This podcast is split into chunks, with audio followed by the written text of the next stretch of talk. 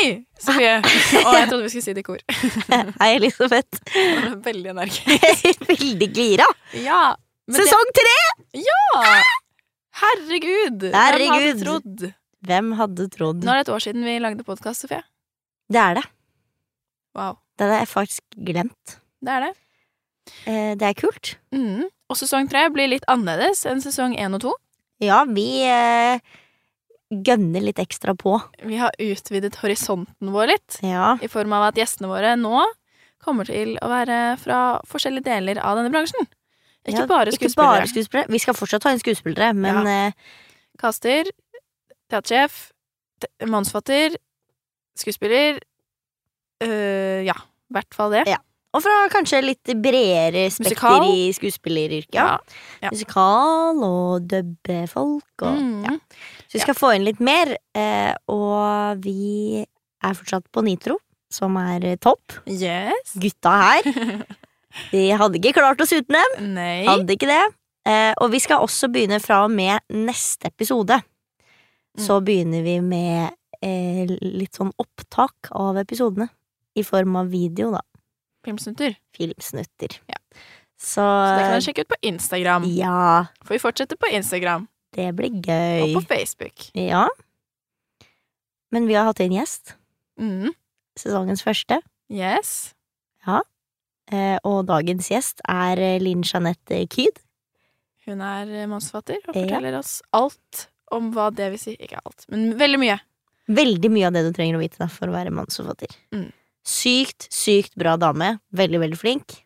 Mm. Har skapt en serie som hun snakker litt om Mm. i episoden, som har premiere Ja. Snart. 19. snart, mars. 19. mars. Ja. Men uh, det kan dere høre mer om i The Episode. Mm. Så da kjører vi sesong tre, da. Kjør jingle, da! Hei!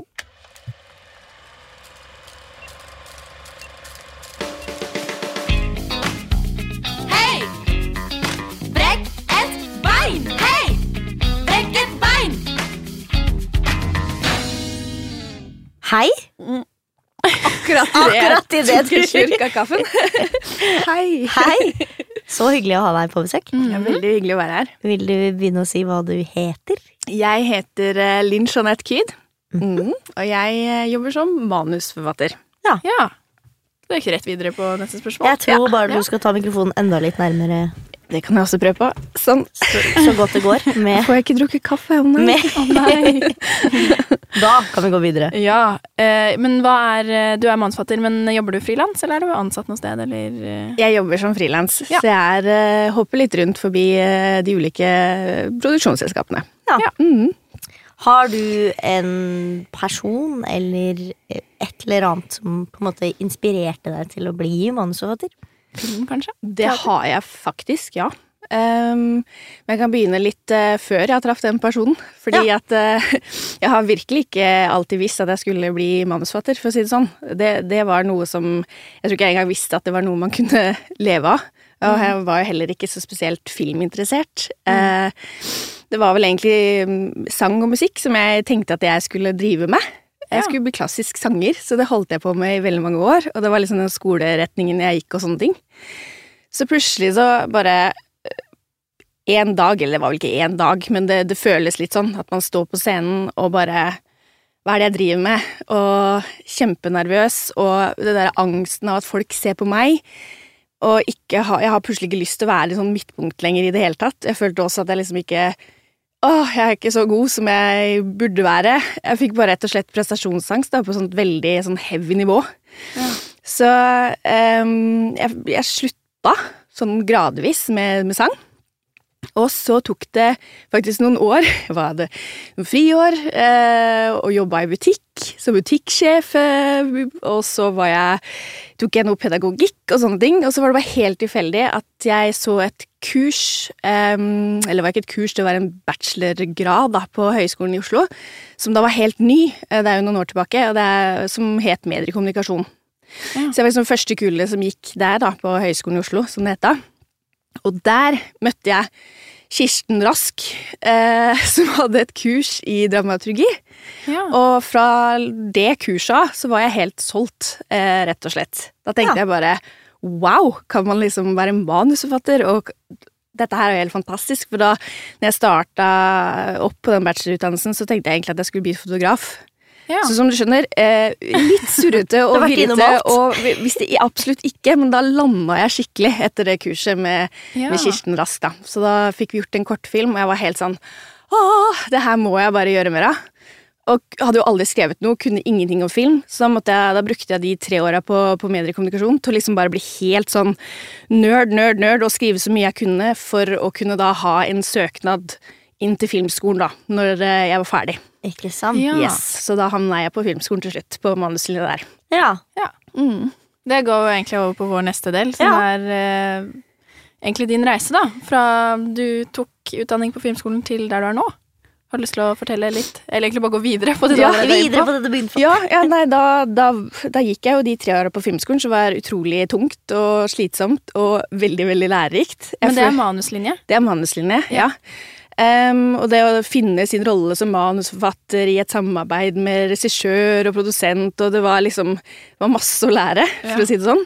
Og som sagt, jeg, jeg hadde liksom ikke skrevet noe særlig før heller, så jeg følte meg jo ganske sånn grønn, da. Um, men så um, var det jo fantastisk lærer der oppe, og man gjorde masse øvelser. Etter hvert så følte man at man i hvert fall kunne det i teorien. Men så plutselig var man jo ferdig, og så skulle man ut i den virkelige verden. Eh, kjempeskummelt, og jeg følte meg på ingen som helst måte utlært, selv om at jeg visste at jeg kunne dramaturgi. Jeg kunne jo ting i teorien, Mm. men, men man kan jo lese i en bok, liksom. Men jeg følte fortsatt at jeg ikke hadde liksom øvd nok, da. Ja.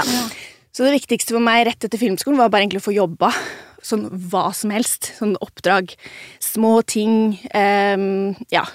Alt mulig rart. Og så, så gradvis da, så fikk man jo større oppdrag, men alltid liksom oppdragsfilm eller små prosjekter. Og så ehm, var det masse jeg skrev på som ikke ble noe av, selv om jeg liksom jobba med produksjonsselskaper som jeg tenkte sånn Wow!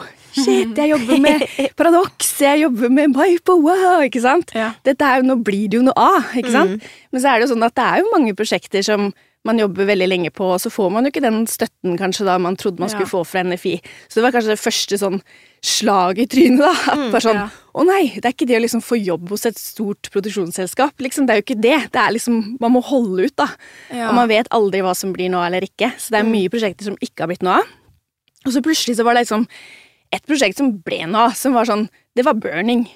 Og det var liksom Ja, og det var liksom Det hadde jeg jobba på veldig mye annet før det. Ja. Eh, men den plutselig kicka igjennom, da. Ja. Og så begynte liksom reisa. Så etter det så, så fikk jeg gjort Jeg gjorde jo Burning 2, og så har jeg jobba på litt dokumentarfilmer. Så har jeg gjort en spillefilm i Danmark som heter Den eh, beste mann. Mm. Eh, og så, eh, etter det, så kjente jeg at nå har jeg landa litt. nå føler jeg at jeg har kontroll på det jeg holder på med. Eh, så først nå har jeg begynt å tenke sånn Har jeg noen eh, ting jeg har lyst til å fortelle? Er det noe jeg har lyst til å lage selv, liksom? Ja, ikke sant. Mm. Så, um, og da har man også nok erfaring til at kanskje noen lytter, da, når jeg pitcher. Mm. Så, så er det sånn godt trinn, da, for å si det sånn. Har du sånn vært på en del pitchinger, eller?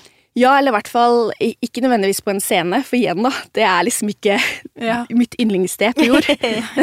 men, eh, men det å sitte i et rom eh, og pitche til en produsent eller en regissør, Ja, sånn, ja. det er jeg helt komfortabel med. Så det har jeg gjort veldig mye. Mm. Så nå eh, Nå kommer det snart en, en serie som heter Rådebank. Den har premiere 19. mars på NRK. Mhm. eh, og det er første prosjekt jeg gjør som serieskaper, da. Ja. Mm. Så kom det Veldig kult prosjekt, Ja. forresten, til alle som hører. For vi har begge vært på audition. Ja ingen fikk rolle. Men uh, Ingen sure minner for det. Nei, det er det ikke. Det er ikke lov. Det er ikke lov. Nei, Aldri lov. Nei. det er lov, men uh, man må komme over det. Ja, ikke sant. Men det er et veldig kult prosjekt, så Ja, det er det. jeg gleder meg veldig til å se det. Ja, det er veldig hyggelig. Og en av de kanskje beste unge skuespillerne vi har for tiden, spiller hovedrollen. Så det, Ja, Odin Våge. Han gjør en fantastisk jobb, så det er, det er bare å glede seg. Mm. ja. Ikke sant? Eh, du kan få kjøre på. du så det jo. Eh, ja, jeg bare eh, lurte på um, eh, For nå eh, Det er kanskje vanskelig å snakke om Rådbank, eller det er kanskje litt hemmelig foreløpig. Men på noe annet du har skrevet, da. Eh, så skri for du skriver vel for karakterer.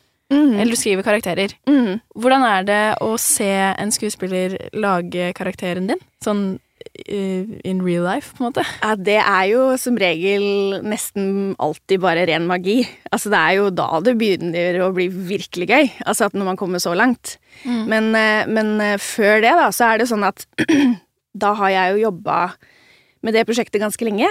eh, og skapt disse karakterene. For for meg er det veldig viktig med karakter. Altså Det er noe av det første jeg starter med. Um, og det å bygge en karakter sånn helt fra bånn av Veldig ofte så henter jeg da en inspirasjon fra folk jeg har møtt eh, opp gjennom livet, eller em, ting jeg sjøl driver og bærer på, ikke sant, og putter inn i, i de karakterene. Eh, og når den er skapt, så em, så er det jo sånn at da skal dette videreformidles til en skuespiller. Og det jeg syns er veldig interessant der, for jeg husker at på filmskolen så lærte jeg at du skal kjenne karakteren din så godt at hvis du skriver noe som er feil, så er det akkurat som karakteren våkner til liv og ser på deg og sier sånn Hallo, det der ville jeg aldri gjort. Ikke sant? Og, så, og sånn jobber jeg med karakteren, at jeg føler liksom, nå, nå kjenner jeg den på godt og vondt på alle plan. Men så hender det jo det at når man kommer til leseprøver, og man skal da videreformidle den informasjonen til skuespilleren som skal gjøre rollen, og den skal tolke rollen, Mm. så er det på en måte egentlig, sånn som jeg ser det, da, eh, skuespilleren sin jobb å være den personen som sier Vet du hva, det der ville aldri karakteren min gjort. Eller i hvert fall Mm. prøve å sette seg så godt inn i karakteren at den kjenner den like godt som meg. Så hvis jeg på en måte har gjort en feil, blitt frista til for eksempel å plotte, styre handlingen til karakteren, som av og til skjer, Ja. ikke sant, eh, så setter jeg enorm pris på at eh, skuespilleren kommer bort til meg og sier sånn Det der tror jeg ikke karakteren min ville ha gjort. Mm. Og så må jeg tenke meg litt om, og så Hva mener du? Og så får jeg kanskje noen flere spørsmål om karakteren og handlingen. Og så blir, hvis jeg da ikke kan svare da, så, så blir jeg egentlig litt glad, Fordi da er det jo skuespilleren som har avdekka liksom en, kanskje en liten feil, eller en liten brist i, i historien. Mm. Og da kan jeg gå hjem og fikse opp i det i manuset, og så kan vi gå videre. Ja. Så det, det er liksom for meg et perfekt samarbeid da, med en eh, skuespiller. Det er Ja. kult, da. Ja, det er Det kult. Jeg synes syns det er veldig kult at, du har, at det er viktig for deg å ha et så godt samarbeid med eh, skuespillerne som skal spille det du har skrevet. Ja, og det er kjempeviktig. Og så er det jo liksom Må jo satse på at man da også har respekt tilbake igjen, for jeg har jo så opplevd motsatt. At jeg har alle svarene, og så kommer en skuespiller og sier sånn Nei, det ville jeg ikke gjort. Eh, så tenker jeg, hvorfor ville jeg ikke gjort det? Er det, sku, er det da eh, skuespilleren, eller deg som person, som ikke liker det du skal spille? Eller Eller hva er det for noe? Ja. Fordi, fordi det er jo Og da kan det fort bli vanskelig, da. Altså, Ja, da kan det oppstå en, eh, en konflikt. Eh, men, eh, men som sagt, um, veldig ofte så har skuespillere et veldig godt poeng. For de har jo gjort en enorm jobb med å sette seg inn i karakteren og forstå den og putta på følelser og Ikke sant? Så de vet, vet veldig godt hva de snakker om, og det syns jeg er veldig, veldig gøy å jobbe med skuespillet. Ja. Men hvordan er det eh, samarbeidet med en regissør, da? Eh, I forhold til det å jobbe med en skuespiller på den måten? For jeg har i hvert fall opplevd mange ganger at en regissør har også mye meninger om hvor, hvordan er sinnsstemningen til denne karakteren i akkurat denne scenen.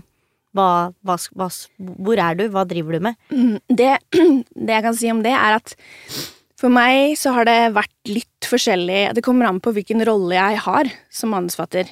Hvis jeg for eksempel jobber på film, um, eller har vært uh, episodeforfatter på en TV-serie, så er det uh, ikke jeg som bestemmer det. Altså, da er ikke jeg den kunstneriske lederen. Altså, er jeg episodeforfatter, så er det jo hovedforfatteren som på en måte må ha den dialogen med regissøren. Og regissøren bør da på en måte ha et veldig godt samarbeid med hovedforfatteren eller serieskaperen. Eh, på film så er det gjerne regissøren som har det ansvaret. Eh, selvfølgelig er det fint hvis man har en veldig god dialog, men da tenker jeg at det er litt opp til regissøren, og det er regissøren du skal høre på. Ja. Og det er det uansett. Eh, men på det siste prosjektet nå, da, hvis vi tar for eksempel Rådbank, da, så har jeg et enormt godt um, samarbeid med regissøren, Daniel Fare. Så han er på en måte mitt talerør. Uh, så det han formidler videre til skuespillerne, vet han at uh, kommer fra meg, eller det er sånn jeg vil ha det, på en Ja. måte. Um, for vi har liksom hele tida dialog, da. Så vi har uh, Det er ikke sånn jeg, jeg er ikke regissør, så jeg går ikke inn og gjør noe regi. Det er ikke jeg som gjør skuespillerarbeidet. Ikke i det hele tatt. Det er liksom Det skal regissøren få gjøre. Jeg blander meg heller liksom ikke så mye inn i leseprøven, men det jeg syns har vært fint med den prosessen, er at vi har liksom filma leseprøvene. Jeg har sett alt sammen, og så kan vi ha en diskusjon på det etterpå. Jeg og regissøren, uten at det forvirrer Ja. stakkars skuespilleren. Ja. Fordi det kan hende at vi har forskjellige meninger om ting. Men da må vi bli enige, vi to, før Ja. regissøren formidler det riktig videre til skuespilleren. da. Ja, for Ja. hvor lenge er du med i en prosess? Eh, Fordi på et eller annet punkt så gir du vel fra deg manuset, og så er det sånn Nå er det deres, vær så god. Mm. Ja, igjen, det er veldig forskjellig, da. Altså Ja. hvilken rolle jeg har. Um, som episodeforfatter så er det jo liksom ferdig når skriverommet er ferdig, og da overtar hovedforfatteren, som forhåpentligvis da er med hele prosessen, fra idé til ferdig klipp.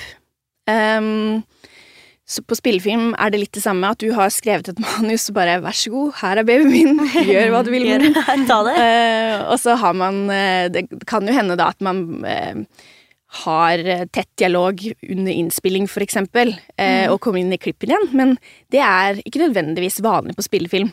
Nei. Men igjen, som serieskaper, så, så som rådbank, så har jeg vært med hele veien fra, fra idé da til ferdig klipp. Ja.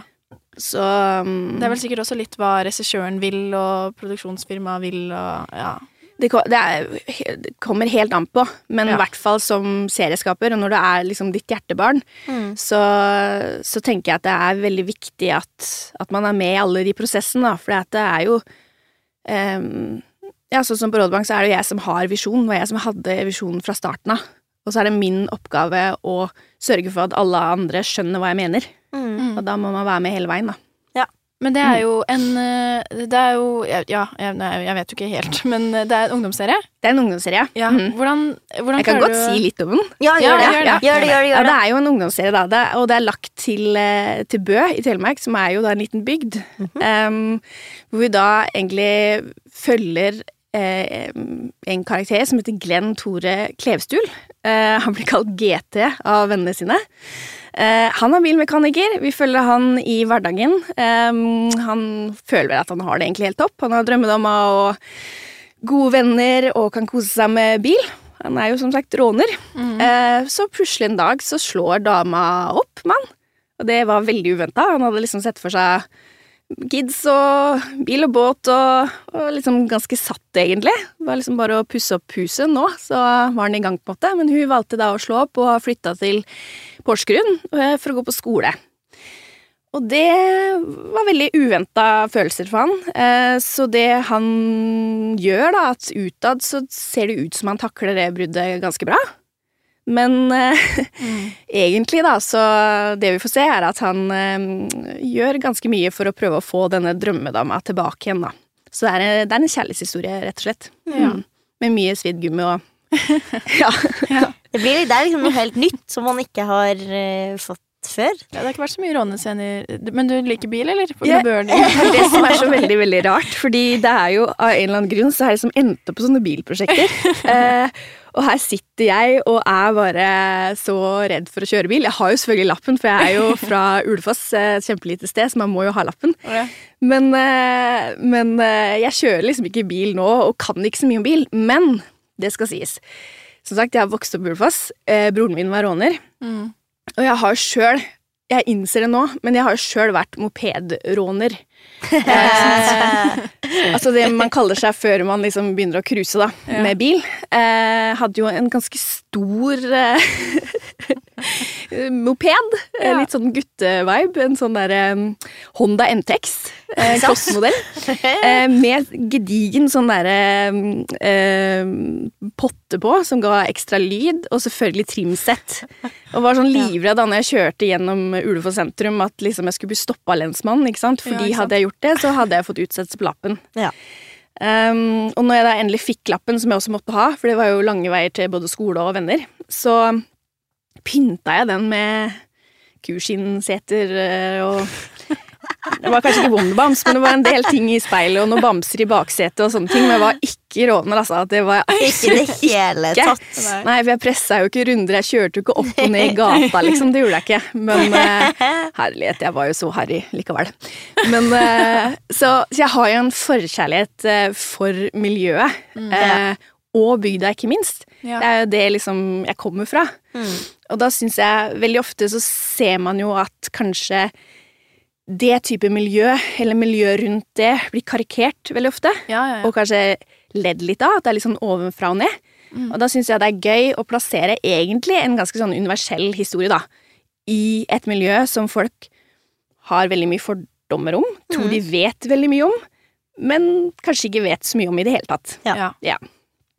Du har jo også, eh, apropos bil, eh, du har jo også skrevet noe manus for Born to Drive. ja da, det er det som er Men er det, for det er en dokumentar, er det ikke det? dokumentar. Hvordan i alle dager skriver man et manus til en dokumentar? For det har ikke jeg skjønt. Nei, det skjønner jeg veldig godt, og det er, eh, det er veldig Det skjønte ikke jeg heller første gang jeg skulle jobbe på en dokumentar. Jeg, jeg liksom sa sånn eh, Hæ? Jeg sa sånn Nei. Skal dere ha manus? Skal dere ha manus? Nei, du trenger jo ikke det. Så jeg følte liksom at det her var jo bare tull, liksom. Så jeg sa faktisk nei første gang jeg fikk et eh, oppdrag. Eh, og det var på Magnus Carlsen-dokumentaren.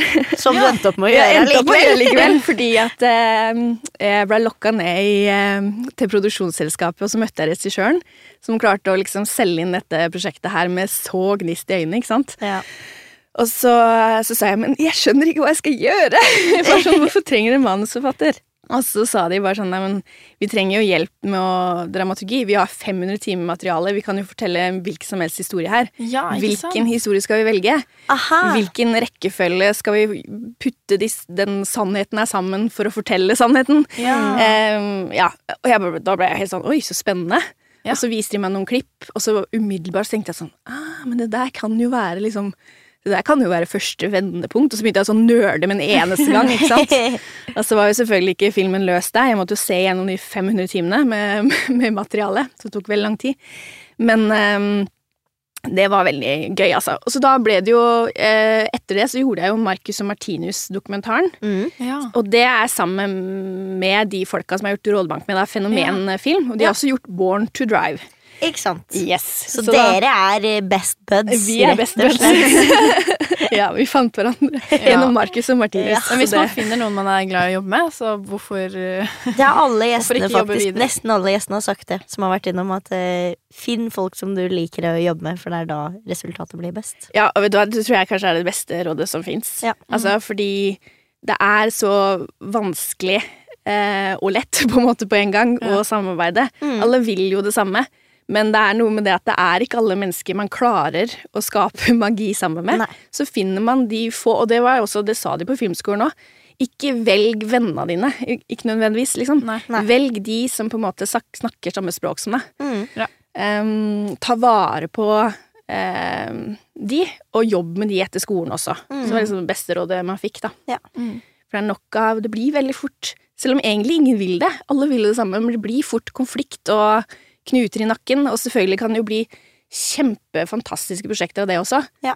Men vi lever jo på en måte ikke bare Eller i hvert fall jeg er ikke sånn som lever av dette fordi man skal liksom bare se resultatet.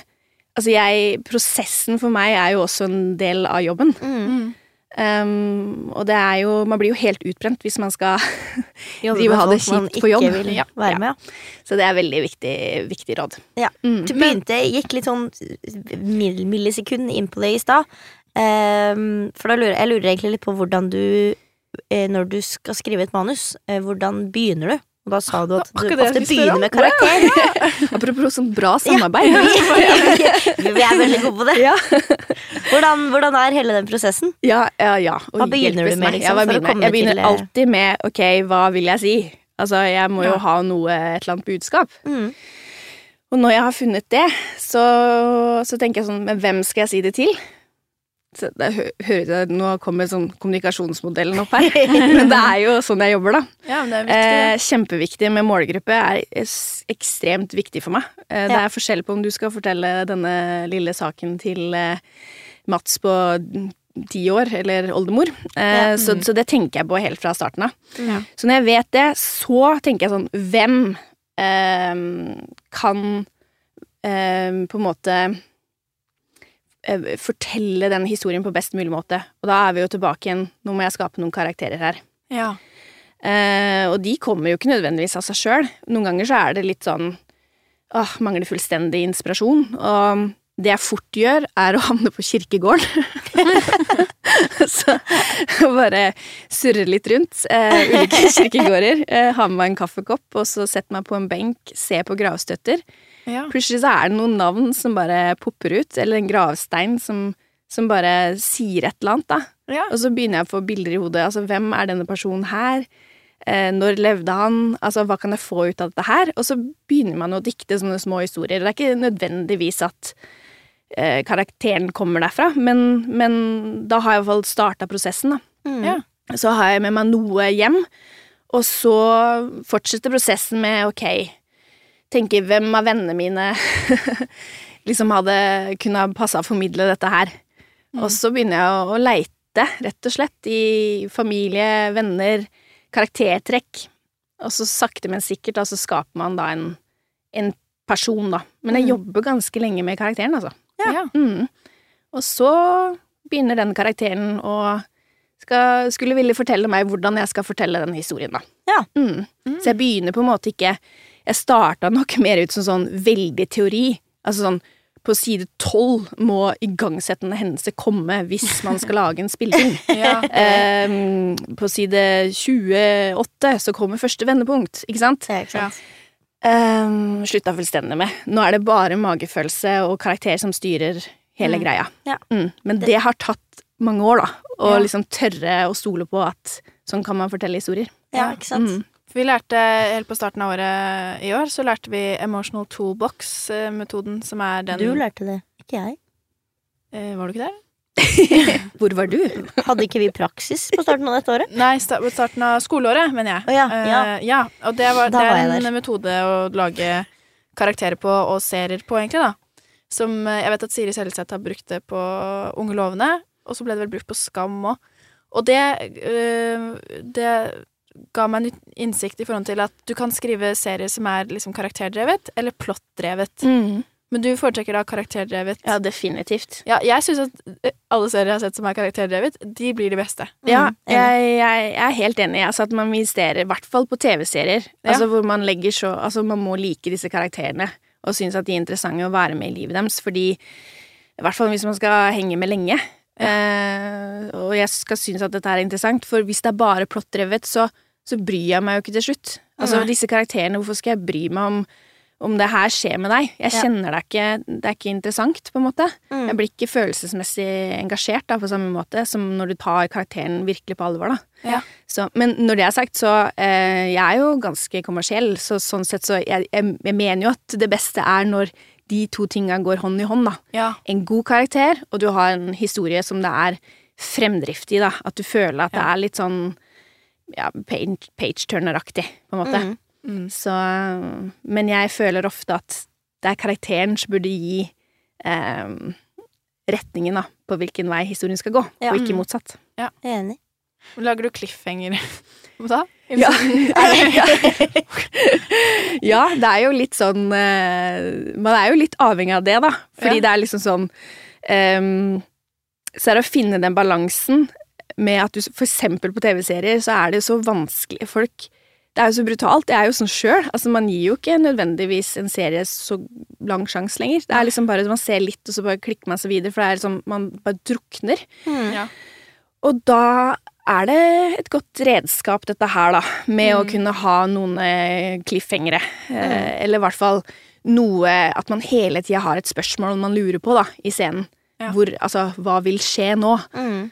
Eh, noe dramatisk spørsmål av et eller annet slag, da. Ja. Og da selvfølgelig kliffe i større eller mindre grad i slutten av en episode. Det er jo Men- det som gjør at man ser videre, da. Ja, i hvert er fall når alle episodene slippes samtidig. Ja. ja. Så er det jo sånn Altså, jeg kan være sånn Skal jeg se én episode før jeg legger meg, og så bare Å, jeg, bare, jeg skal bare se starten på neste episode fordi det var en cliffhanger. Men så får du ikke svaret da heller. Nei, det er akkurat det. Og så bare tre episoder til, så er det sånn Ja, jeg kan bare se resten av Ja, sesongen. det er akkurat det, og det er kunsten, da, tenker jeg. Den Ja. Der, uh, og, og det er jo så vanskelig. Uh, Ja. men å liksom lage noe hvor Hvis du har vært flue på veggen i stua, og du hører bare sånn derre én til.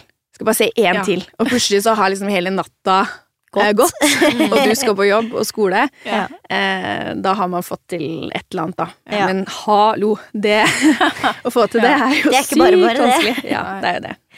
Men eh, du har vært borti et par prosjekter hvor du ikke er eneste manusforfatter, hvor du må jobbe med flere. Mm, det stemmer. Hvordan er det? For da står du jo liksom ikke alene om alle tanker og karakterer og hvordan skal vi gjøre dette? Nei, det, det syns jeg er vanvittig gøy. Jeg jobba jo sånn på heimbane eh, på sesong én. Mhm. Da var jeg jo episodeforfatter, og Johan eh, Fasting var eh, sjefen, på en måte. Serieskaper og hovedforfatter. Og da satt vi jo en gjeng eh, og drodla fram eh, masse i et rom, og sammen skapte vi på en måte en slags storyline. Og så eh, fikk vi utdelt ulike episoder, som vi da etter tur så forsvant liksom en og en person ut av det skriverommet og begynte å skrive på episoden man hadde fått tildelt. Men da var jo det eh, basert på eh, selvfølgelig Johans visjon, men også det vi i fellesskap hadde funnet på da, i skriverommet. Ja. Og så går man tilbake igjen, og så får man eh, tilbakemelding fra Johan og de andre i skriverommet og produsent, og så er det ut igjen, så skriver man til på en måte man har, har landa det manuset, da. Mm. Og jeg vet ikke om, om det er nødvendig, eh, men sånn som jeg jobber, så var det sånn Jeg husker at når jeg kom på det prosjektet, så hadde jo Johan allerede skrevet to episoder. Og de episodene leste jeg enormt mange ganger, eh, fordi at jeg visste jo at jeg var episodefatter. Her er jeg en del av noe som skal bli en helhet. Så for meg da å prøve eh, å herme så godt jeg kunne etter Johans fortellerstemme, når eh, Ja. jeg da skulle skrive, det var et sånt lite mål for meg. Mm. Jeg vet jo ikke om det nødvendigvis eh, eh, var noe folk la veldig merke til, men jeg tenker at det i hvert fall letter litt på jobben, fordi det er noe med det at når det er man veldig mange inne, episodeforfattere og sånn, så blir det jo ulike stemmer. Mm. Eh, og det er jo hans stemme som, som, som gjelder. Så, og hadde ikke jeg klart det, så måtte han jo i større grad også ha gått inn og justert og skrevet om. Ikke sant? Ja. Som ofte skjer uansett. Altså når du er episodeforfatter, så, så må gjerne hovedforfatteren gå gjennom helt til slutt, og det kan jo skje ting på slutten når du er ferdig skriverommet som, eh, som man ikke har vært med på, og da, da er det hovedforfatterens oppgave å skrive om det manuset. Ja. Mm. Men som episodeforfatter er du rett og slett en del da, av en større helhet. Da. Og jeg, jeg syns også det er veldig veldig fint. Mm. Når det er et så gøy prosjekt som det, så, så gir det jo kjempemasse. Men var det episoderegi der også? Der var det også episoderegi, Ja, ikke sant? og det igjen sier hvor sånn- viktig rollen eh, til Johan Fasting eh, var og er. Eh, fordi når det er så mange kokker inne, da, så kan du, det kan fort bli litt kaos. Ja. For alle har en stemme. Mm. Eh, og det skal, vi skal fortelle én historie og én helhetlig TV-serie, da. Ja, ikke sant. Så det, det er klart at det han klarte klarte det veldig bra, å holde Ja. den eh, serien sammen. Mm. Men på sommerbåten så var det også For du var der på, Ja. som manusforfatter. Ja, der skrev jeg mange episoder. Ja, men for det, er- og jeg var der, men jeg har ikke fått innblikk i det, og jeg husker ikke, for dette er jo fem år siden nå. Det var det en eh, hovedforfatter uh, der. Nei. For det var, det det var ikke det. Nei, det det var var bare det. fire eller noe som var rullerte hele tiden. Ja, og det, det kan man jo kanskje si i ettertid hadde vært eh, smart, hvis det Mm. var en som på en måte hadde hatt eh, større hovedansvar. Det var en eh, som hadde det, men eh, som skulle holde i hele greia og klarte det helt fint, men Ja. han skrev ikke sjøl. Det var mer at han formidla eh, på en måte omskrivingene til oss, liksom. Nå er i episode vi endra 40 på dette. så Ja. skjer det, så nå må du, ikke sant? Eh, det hadde nok vært lettere hvis, hvis det var en eh, forfatter som bare gjorde den jobben på slutten. Ja, ikke sant? For det merker jeg som skuespiller at Ja. det var Ting endra seg jo veldig fra uke til uke. Mm. For der var det jo nye Nye ting og nye forfattere inne hele tiden. Nye stemmer, nye regissører med Altså, det, ja, så- sånn skjer, da, hvis man Ja. ikke har en, uh, har uh, en hovedforfatter. Men da skrev dere underveis? Ja, det også, Ja. ikke sant? Det er jo også Men altså, det, prosjekt, altså det, det er et av de gøyeste prosjektene. Ja, kuleste prosjektene jeg har vært med på, selv om det var, uh, det var jo litt kaos, for det var veldig mange involverte, og ting måtte gå så fort. ja. Men fy søren så bra det ble, tenker jeg. I Ja. hvert fall når man tenker også at noen av scenene ble skutt samme dag Som, som ble den sendt. ble sendt. Ja. Eh, ja, den ble å klippet på båten. Altså, Og skrevet dagen før. ja. Kvelden før, liksom klokka elleve. og dette her var premisset for serien. Altså, det var ikke Ja. sånn fordi ikke folk Nei, nei. hadde kontroll. Altså, dette var sånn Shit, hva skjer hvis vi gjør dette? Ja. Eh, Blir det det var bra? veldig spenstig av NRK. Jeg syns det var Ja. en dritkul idé. Og så gikk det jo kjempebra. det gikk Vi hadde jo masse seere. Ja. Som er helt sjukt. Ja, det var veldig moro, altså. Det må jeg si. Men som sagt, sånn i ettertid så hadde jo da, Man lærte jo litt ting av det prosjektet også. Ja, Eh, absolutt. At um, det, det skriver om, er, er ikke lett å vite helt hvordan man skal gjøre det, men jeg har i hvert fall troa på at det er én Det burde være én hovedforfatter av noe slag.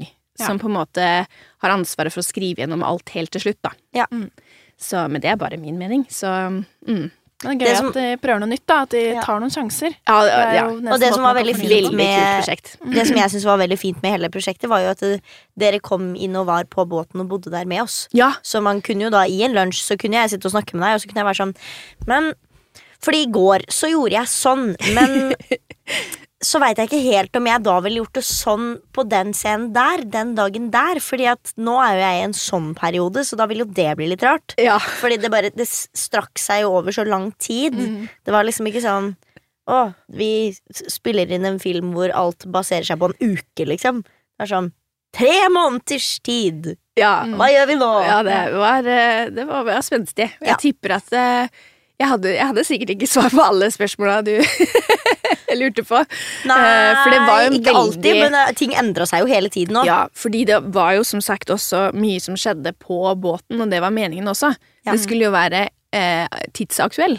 Ja. Så at vi skulle gjerne plukke opp noe som på en måte enten skjedde på det stedet vi var, der vi lå i havn med båten, ikke sant? Ja, ikke sant? og spille inn en scene fra det stedet. Ja. Og vi kunne jo ha sittet og drodla fram Ok, hva er det som er kult uh, i Vadsø, ikke sant? For eksempel.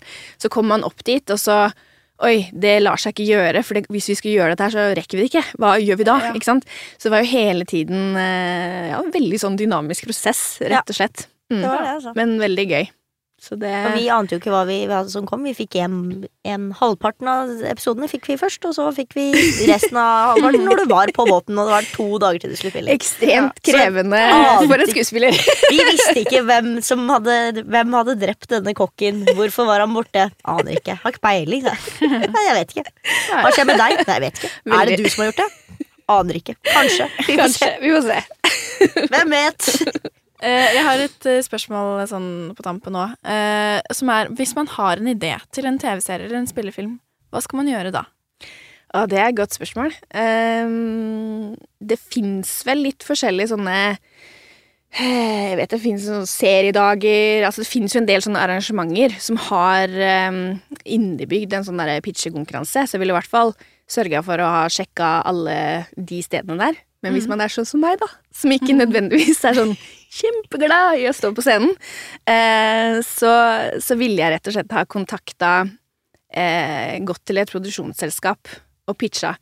Det er eh, fortsatt, og det har vært en stund, eh, enormt behov for nye, gode ideer, nye stemmer.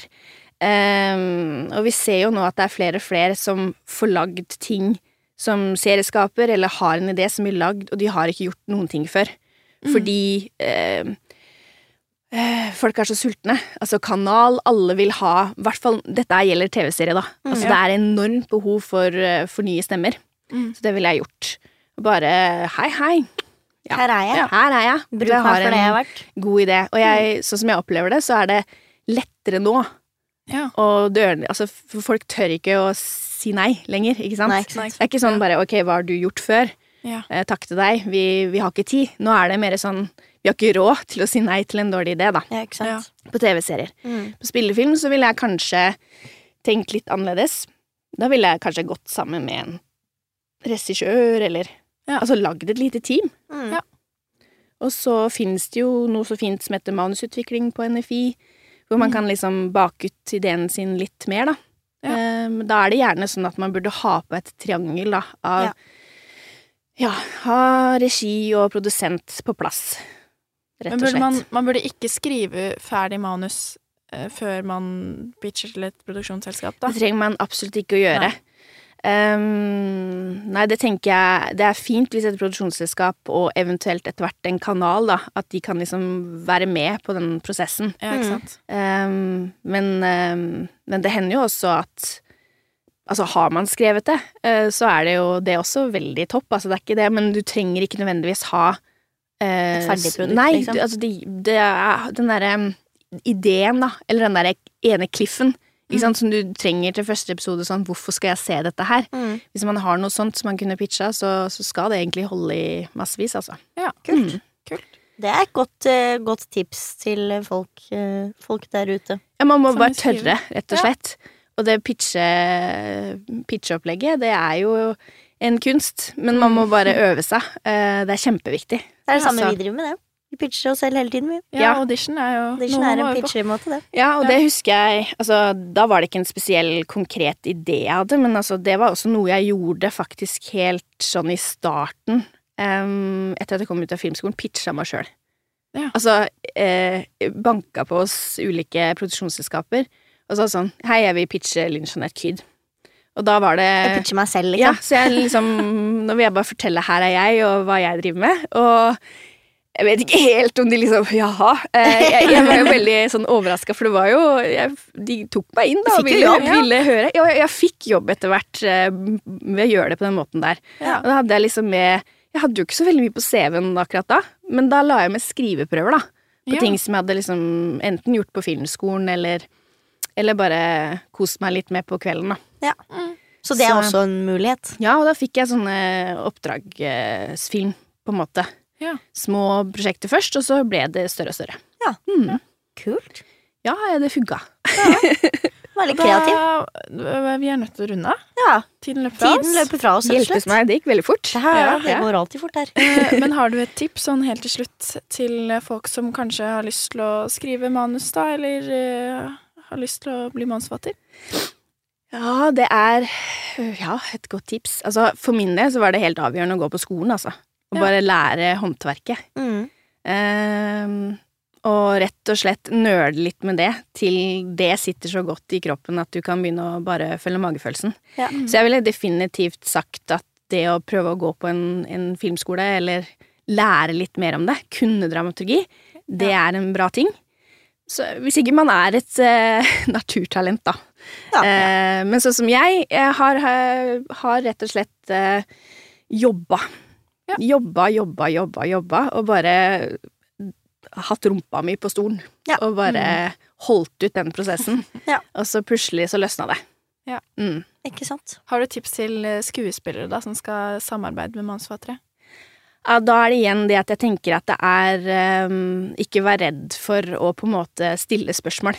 Ja. Hvis det er ting man ikke forstår i manuset. Mm. Så um, Å stole på da at hvis du får et svar, så, så vet personen hva den holder på med. Eh, bare hør på det svaret. Eh, og, men merker du at eh, at det er rom for eh, tolkning og åpning, så by på deg sjøl. Ja, fordi ja. at det blir et bedre manus, og ehm, det blir en bedre historie. Kult. Mm, Tusen takk. Takk Ja. for at du kom. bare hyggelig. Det var veldig hyggelig å få lov å komme.